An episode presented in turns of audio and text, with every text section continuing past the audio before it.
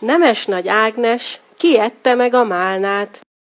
Nagy mosást tart medvenéni, két kisfia kérve kéri. Míg te mosol, licsilocs, málnát szed két kicsi bocs. Málnát szednek, ha találnak, kis huguknak, Márikának. Mókus, mókus, hol a málna? Nem te vitted föl az ágra? Málna, dió, mogyoró, meg fenyőmag, az a jó. Mókus Miklós, kedves fickó, boldogám a két kis mackó, mert a fáról leszalad, s kölcsön ad egy kosarat. Szép az erdő mindenütt, szőke, nyírfa, sima bükk. Itt a bokor, itt a málna, jaj be édes, tömd a szádba.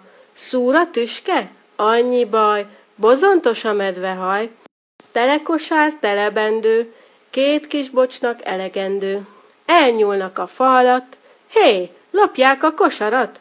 Felriadnak most az ajra, néznek erre, néznek arra. Jaj, hová lett a kosár? Pamat fülük égnek áll. El nem rejti azt a fenyves, akinek a keze enyves, a két mackó szétszalad, felverik a bokrokat. Róka asszony mondja, mackók, málnát nálam miért kutattok? Miért csináltok galibát? Többre tartom a libát. Nézzünk körül ott a nyúlnál. Répán élek, mondja nyúlpál, meg káposzta levelen, olykor meg is reszelem. Sün Sámuel fatövében, siklót vacsorázik éppen, nincs ennél jobb eledel, mondja bölcsen Sámuel. Nézd csak, nézd csak, ki fut erre, senki más, mint tolvajferke. Itt a baj, most itt a jaj, egy fatörzsön elhasal. Hát szaladjunk most utána? Nem, ides és itt a málna. Ó, be édes, zamatos, megszedjük, míg mamamos.